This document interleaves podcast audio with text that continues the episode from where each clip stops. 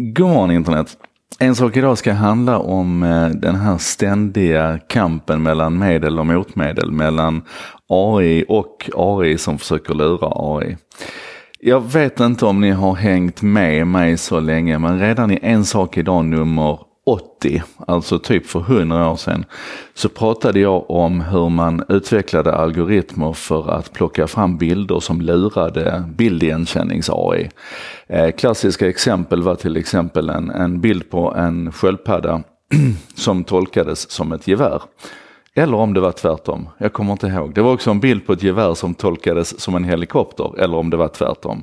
Och det var väldigt mycket halabaloo runt det där och är nog fortfarande. För det där är ju potentiellt farligt. Om man med relativt enkla medel kan lura bildigenkänningen så kan du till exempel lura en självkörande bil och tro att en stoppskylt i själva verket är en 110 km i timmen skylt. Och då har vi ju lite problem kan man säga.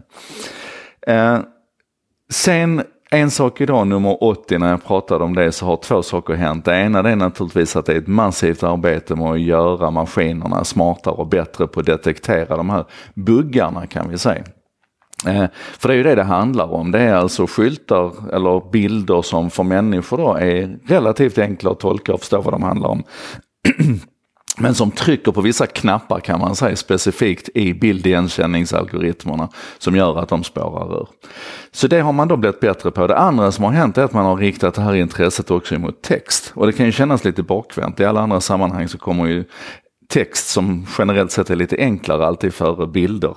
Men i det här fallet så har, har lurandet släpat efter lite grann. Men nu har det hänt saker. Ett forskarteam med eh, eh forskare från MIT i USA, ifrån Hongkong och ifrån Singapore har tillsammans plockat fram en algoritm som man kallar för textfooler.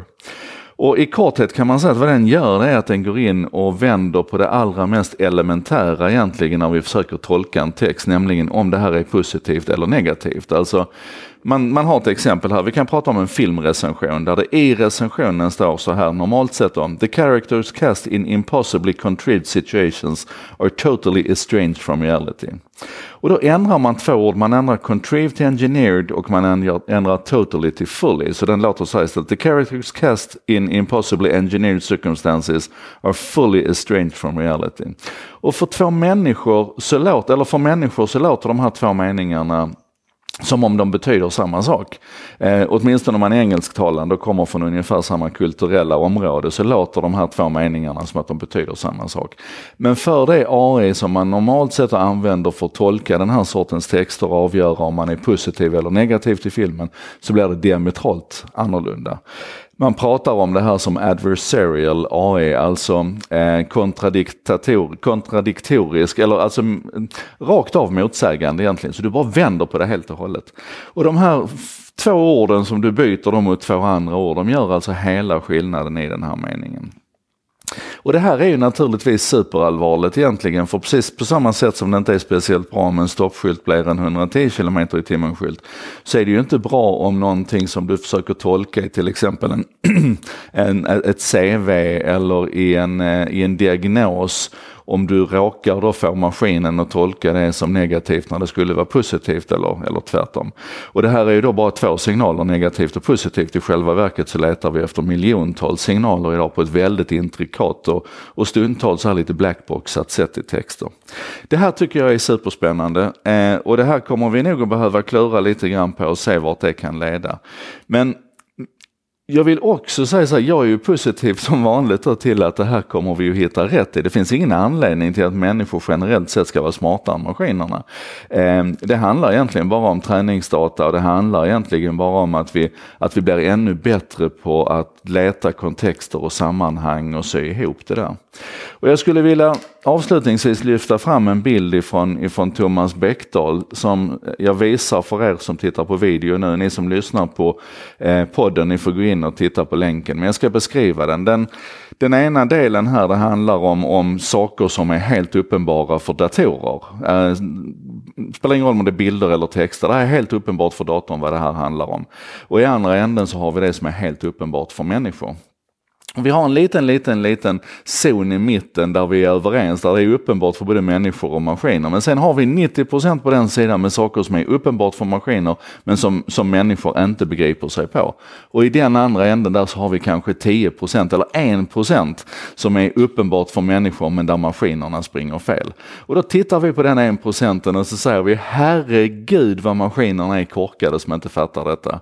Och så ser vi inte allt det som maskinerna är bättre än oss på att begripa. Och vi har ju siffror på det här.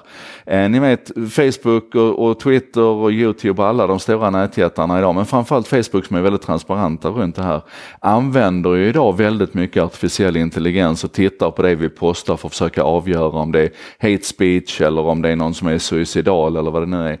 Eller om det är spam. och, och om man tittar över tid på de här transparency reportsen som Facebook släpper så blir man ju oerhört mycket duktigare över tid på att tolka och hantera det här. Och man är idag i ett läge där, där vi definitivt kan säga att maskinerna hittar saker som en människa skulle ha svårt att, att, att hitta på samma sätt. I vissa stycken så är de smartare än vad vi är och i andra stycken är de dummare och det är ju bara så det är. Så att jag tycker det här, är, det här är oerhört intressant. Allting som har att göra med adversarial, alltså där man vänder på det här, oavsett igen om det är text eller bild eller vad det nu är för någonting, så är det otroligt spännande att se hur den här traditionella kampen mellan vapen och motvapen, medel och motmedel utspelar sig idag på den digitala arenan också. Och som jag brukar säga, vårt jobb i det här det är att försöka hålla oss så insatta som möjligt och förstå så mycket som möjligt av det här. Inte gripas av panik och hela tiden leta efter möjligheter i det vi ser.